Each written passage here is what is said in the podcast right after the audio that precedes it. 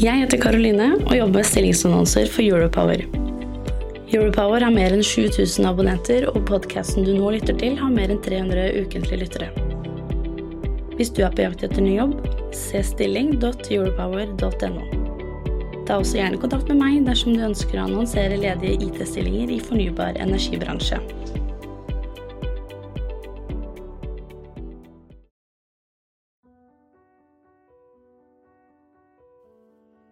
Ja, norsk eksportindustri blir eh, hardt rammet av eh, koronakrisen og oljeprisfallet. Eh, Opptil 55 000 arbeidsplasser kan forsvinne innen utgangen av året. Det viser en analyse som Menon har gjort for oss i Eksportkreditt Norge. Du lytter til energibransjens temapodkast med annonsørinnhold fra Eksportkreditt Norge. Allerede før oljeprisfallet og koronakrisen så har Eksportkreditt Norge pekt på store utfordringer når det gjelder fremtiden for norsk eksport. Hvor alvorlig er situasjonen for landet vårt nå? Og hvilke tiltak kan vi ta gjennom denne krisen for å skape nye vekstbedrifter og næringer? Jeg heter Skjul Kristian Aamodt, jeg er gründer og energiambassadør i Energy, energibransjens digitalkanal, og med meg på telefon så har jeg Ivar Slengesol, som er Director Strategy and Business Development i Eksportkreditt Norge. Analysen som Eksportkreditt Norge har fått utarbeidet, ser på konsekvenser av koronakrise og oljeprisfall for fire eksportnæringer – prosessindustri, sjømat, reiseliv og maritim offshore leverandørindustri. Ja, Det Menon-analysen viser, er at på kort sikt så blir reiselivsnæringen veldig hardt rammet, naturlig nok. Eh, men den vil komme tilbake eh, sannsynligvis eh, neste år og, og videre framover. Um, prosessindustrien uh, blir òg hardt ramma rammet i år, men der, den består av stort sett finansielt solide selskaper. Det samme gjelder for sjømatindustrien. Men offshore og maritim leverandørindustri, det er, der, det er den næringen, eller de næringene, og de henger jo litt sammen de to, som vil bli hardest ramma. Og, og, og, den type næringer er jo konsentrert på Vestlandet. Så, så det er derfor Vestlands fylkene og enkeltkommuner på Vestlandet blir spesielt hardt rammet. Men det er jo store motorer. De, hva skjer om de blir borte fra systemet? Nei, det er akkurat det som er bekymra for i Eksportkreditt Norge, er verdikjedene langs kysten. For det er jo sånn at eh, Særlig innen offshore maritime næringer så, så, har vi mange tusen bedrifter som er avhengige av hverandre. Fra den minste nisjeleverandøren som leverer til en litt større leverandør, som leverer til en litt større leverandør igjen, som leverer til et verft f.eks som igjen leverer til et rederi, eller det samme innen oljeservice. Eh, sånn at Hvis eh, noen av de store motorene skulle i verste fall gå konkurs, så vil det ha negative konsekvenser for, eh, for selskaper for små og mellomstore bedrifter nedover i verdikjedene. Så Derfor er det spesielt viktig. Dette er jo den største eksportindustrien vi har utenom petroleum, altså utenom olje og gass. Og, og, så Det er spesielt viktig å, å, å ha et fokus og, og prioritere og, bevare disse verdikjedene i, i offshore og maritime næringer, mener vi. Så verdikjedene det er jo nesten som et dominospill som raser, da? Eller dominobrikker? Ja, det er et, eh, faktisk et ganske bra bilde. Eh, det er riktig det. Og vi, vi, har jo litt erfaring med det. for Vi så det innen visse deler av oljeservicenæringen etter oljeprisfallet i 2014. Det rammet særlig de, eh, de som eh, bygde eh, eller leverte inn til riggmarkedene. Og, og, særlig miljøet rundt Kristiansand, som leverte såkalte borepakker til rigger. Og, når de større leverandørene der, som NOV og MOV, fikk problemer, så rammet det mange tusen underleverandører. Men nå står vi i en situasjon der krisen rammer mye bredere Eh, mye større geografisk og på, på, på nær sagt alle undersegmenter innen offshore og maritime næringer. Så Dette er alvorlig, og, og det som bekymrer oss er at dette kan bli varig. Og så prates det jo mye om det grønne skiftet. Hvordan rammer oljeprisfallet og koronakrisen det grønne skiftet i Norge? Nei, Det er det som er bekymra over. Altså, ta med det også at det er selvfølgelig mye usikkerhet, eh, og det understreker også Menon i de scenarioene de, de, har eh, dratt opp. Fordi vi er jo fortsatt, eh, Det er fortsatt tidlige dager. Vi vet ikke hvordan eh, koronakrisen vil, vil spille, spille, seg ut globalt. Men det som er over er jo, mest bekymra over, er jo at det er jo fra de bedriftene som eksisterer i dag, selvfølgelig det vil komme nye, nye bedrifter. Men de er, jo, de er jo avhengig av at vi har et økosystem og verdikjeder som består. Uh, for de nye løsningene, uh, innovasjonen, de skal jo komme ut fra det som eksisterer i dag. og Derfor må vi bevare så mye vi kan av de bedriftene som eksisterer i dag, for å få til denne nyskapning, inkludert elektrifiseringen av eh, skipsfarten eller andre typer grønne løsninger for, for maritim næring, inkludert framtidssystemer på ammoniakk og hydrogen. Eh, man prater om at flytende havvind kan være det nye norske store eksporteventyret. Uh, hvordan rammer korona dette nye eventyret? Nei, Det gjenstår da å se. da. Altså, det er jo mange av de eksisterende leverandørene uh, som har posisjonert seg inn mot flytende havvind òg, og som uh, eh, f.eks. har tatt kontrakter på, på, det prosjektet som Equinor nå skal bygge på norsk sokkel, uh, Eivind Tampen. Der gikk jo 50% av kontraktene til norske leverandører fra, fra de store som, som Kverner, men òg mange små og mellomstore selskaper. Så vi må jo, eh, når, når støvet har lagt seg og koronakrisen er over, forhåpentligvis så raskt som mulig, så, så, må jo, så, må vi jo, sørge for at uh, vi har så mange som mulig av disse høykompetente selskapene at de fortsatt består etter krisen. Men så ser jeg jo muligheter òg, fordi nå er det jo, nå er det jo åpninger for å satse enda hardere på nye næringer. Så, og Regjeringen har jo varsla at de skal komme med noen finansieringsordninger innen statsbudsjettet i, i oktober eh, i høst. Så det er jo muligheter for at eh, vi kan få større fart på en utbygging på norsk sokkel òg. Og, og, da må vi vi må sørge for at vi har leverandører, leverandørselskaper og leverandørindustri som står da klar til å gripe de mulighetene. Men hvordan rammer koronakrisen og oljeprisfallet de ulike delene av landet vårt når det gjelder eksportbedrifter? Så Vestlandet kommer ifølge Menon-analysen til å bli hardest rammet fordi uh, offshore og maritim uh, næringer står så sterkt på, på Vestlandet. Og Da uh, er det Rogaland som blir aller hardest rammet. innen utgangen av 2020 så står 5% av arbeidsplassene i privat sektor i fare.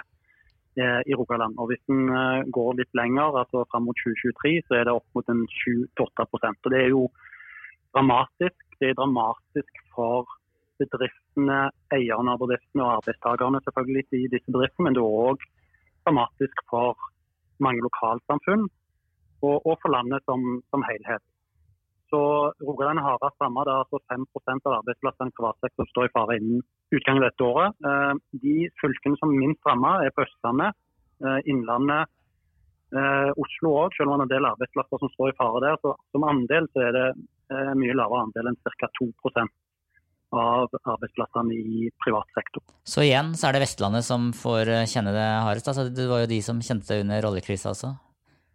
Ja, det er jo riktig. For det var jo òg selvfølgelig offshore maritime næringer som ble rammet der. Og det er jo litt uh, forbanna dette her på mange måter. For at uh, mange av de bedriftene som ble hardt rammet av oljeprisfallet i 2014, har jo nå brukt mye krefter uh, og gjort en imponerende omstilling. Vertene f.eks. har jo omstilt seg til å bygge helt andre typer skip. Men det har kosta. Eh, og mange av disse bedriftene har eh, negative resultater, og en del har òg negativ egenkapital. Så De var akkurat nå på vei opp av denne bølgedalen, og så blir de slått eh, av ikke bare koronakrisen, men òg oljeprisfallet. Så Det er jo doble, det doble slaget de nå får etter de var på vei opp denne bølgedalen. og Det er jo det som er så, så sunn her. I flere tidligere podkastepisoder har jeg pratet med Ivar Slengesol om det han kaller eksportgapet. Norge taper konkurransen med andre land. Ivar Slengesol peker på fire hovedutfordringer. Den ene er at uh, norsk eksport fortsatt er veldig tungt konsentrert mot uh, noen få næringer. 80% av norsk eksport er knytta til det jeg kaller de fire store eksportnæringene. Det er olje og gass, altså petroleum. Det er det offshore og maritim leverandørindustri, som vi nettopp snakka om. Og så er det prosessindustrien, og så er det sjømat. Og, og dette er jo bra, det er styrker å bygge videre på og de må vi bevare, som, eh, som vi har snakka om. Eh, men det betyr jo òg at eh, all, alle andre næringer utgjør kun 20% av norsk eksport. Og, og disse 20% her finner du jo da alt annet, som IKT, som fornybar energi, som møbler, som forsvarsteknologi, som landbruksprodukter, infrastruktur pluss, pluss, pluss, pluss, pluss. Og dette er veldig små næringer. Så vi må få vekst i flere næringer. Er den første utfordringen. Den andre utfordringen er at vi taper Norsk eksport har tatt store markedsandeler av global eksport de siste 20 årene. Faktisk er det ingen andre land som har tatt større markedsandeler de siste 20 årene. Ingen andre land enn Norge som har tatt Ingen andre land blant OECD-land og fremvoksende økonomier har tatt større andeler av norsk eksport så, eh, i volum. så, Og grunnen til at vi ikke merker det, det er olja?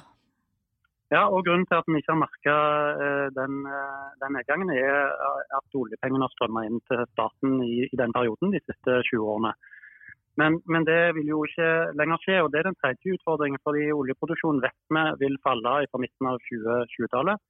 Og Vi ser jo nå òg, når oljeprisen er ned mot 20-30 dollar fatet og sannsynligvis vil ligge der en stund, så, så blir jo statsfinansene våre hardt rammet, i tillegg til alle bedriftene som blir hardt ramma. Så vi må få uh, nye næringer. Uh, må fylle det gapet som, oljeproduksjonen med fall av oljeproduksjonen vil la være igjen etter, hvert som produksjonen faller utover på 2020-tallet.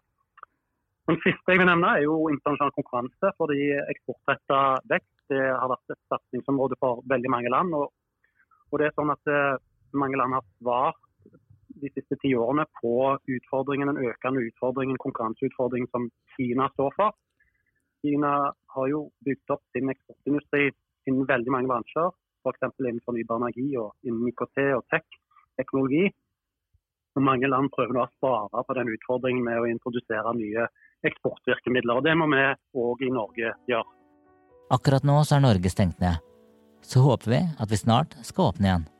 Men konsekvensene vil kunne ramme Norge i lang tid fremover. Finnes det noe lys i tunnelen? Hvilke tiltak bør vi iverksette nå for å kunne skape nye vekstbedrifter og nye vekstnæringer? Hva bør vi gjøre for å sikre fremtiden til norsk eksport? Nei, Det er jo todelt, og det er jo en tid for alt her. Uh, nå uh, nå syns jeg regjeringen har svart uh, raskt og, og veldig bredt de siste par-tre ukene. Altså, det er mye som har kommet på plass. Her må man tenke på det ikke bare til å trykke på en knapp og introdusere låne- og garantiordninger, tilskuddsordninger og mye annet på, på, på, på, mange hundre milliarder kroner. Her skal det gjøres en jobb i embetsverket, her skal det skrives forskrifter. Her skal eh, de etatene og forvaltningsbedriftene og andre statlige aktører som har en rolle, de skal få systemer på plass. De skal, de skal få til de skal gjøre ganske mye for oss å være operative. så Jeg synes det er imponerende hvor mye som har kommet på plass så langt. Men det er nok ikke nok. og Dette som er på plass nå, er jo i hovedsak kortsiktige krisetiltak. Det en må gjøre nå, er jo etter hvert å begynne å bygge en bro fra det kortsiktige til de nye næringene. Um, og, og, Der har vi jo i dag ikke hele svaret, men hvis jeg skal si én ting som er veldig veldig viktig, så jeg tror er veldig, veldig viktig, så er det nå at vi må få klart for oss hva som er veien til markedet for eh, nye næringer som vi skal satse på. Ta flytende havvind som et eksempel. Eh, det er jo åpenbart at eh, der har norsk leverandørindustri et fortrinn og kan ta marked, ganske store markedsandeler i en industri som sannsynligvis blir ganske stor på litt sikt globalt. Men da, hvis vi skal få i gang et hjemmemarked for flytende havvind, så må vi ha klart for oss hvor den strømmen skal leveres til. Det kan være olje- og gassinstallasjoner. Men nå har jo oljeprisfallet reist noen spørsmål om, om hvor levedyktig det, den type prosjekter vil være. Så det må en analysere. Så kan det jo være andre måter òg. En kan f.eks.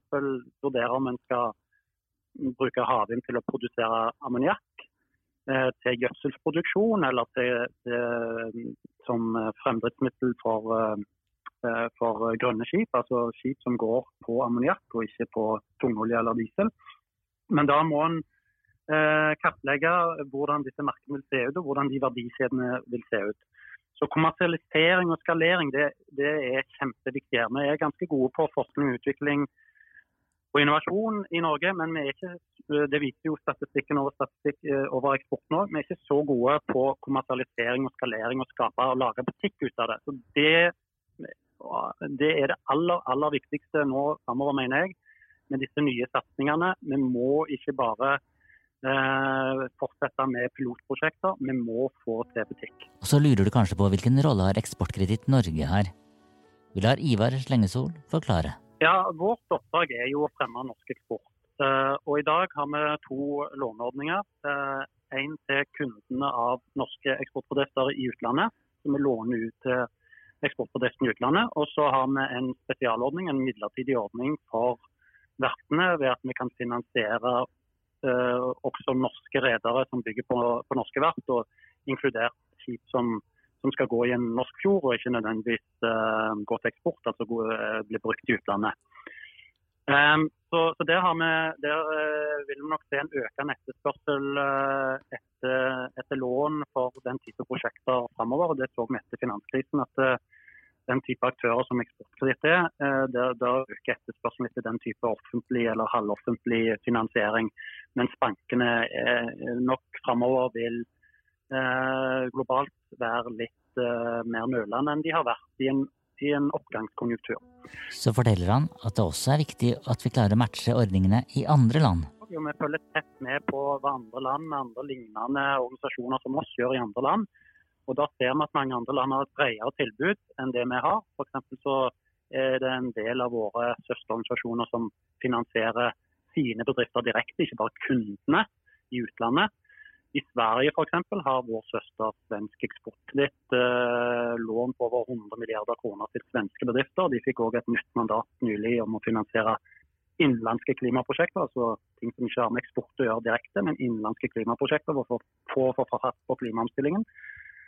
Uh, og de har òg fått en økt ramme nå på 250, 250 milliarder eh, kroner til, uh, til, å låne ut til svenske selskaper nå gjennom, for å hjelpe dem gjennom krisen.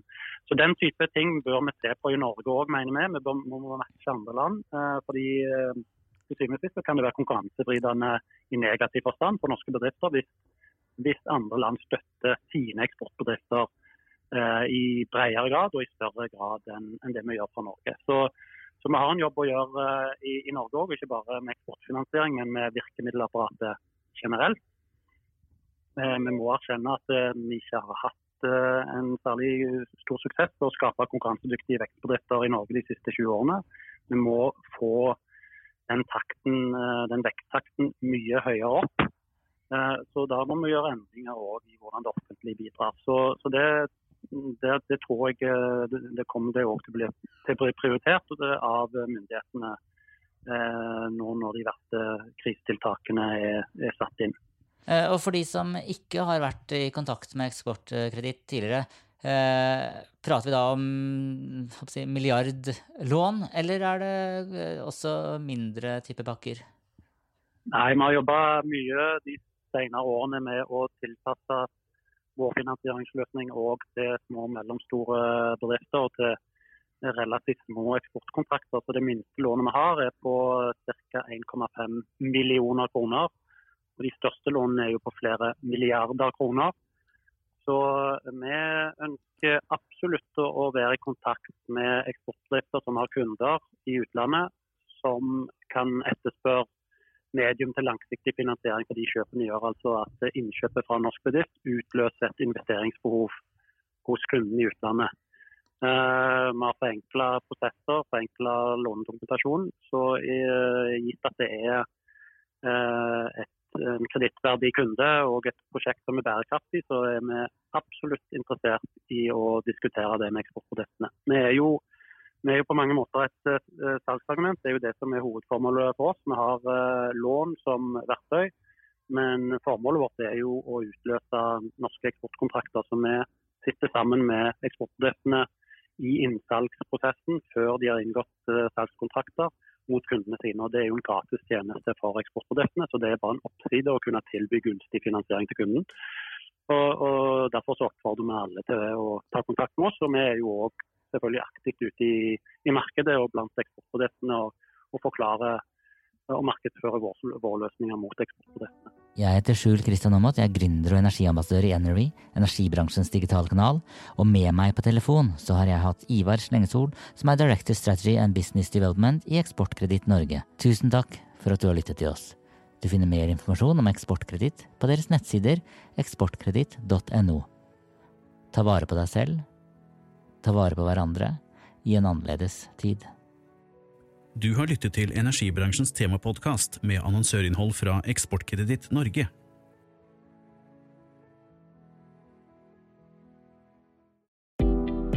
Jeg heter Karoline og jobber med stillingsannonser for Europower. Europower har mer enn 7000 abonnenter, og podkasten du nå lytter til, har mer enn 300 ukentlige lyttere. Hvis du er på jakt etter ny jobb, se stilling.europower.no. Ta også gjerne kontakt med meg dersom du ønsker å annonsere ledige IT-stillinger i fornybar energibransje.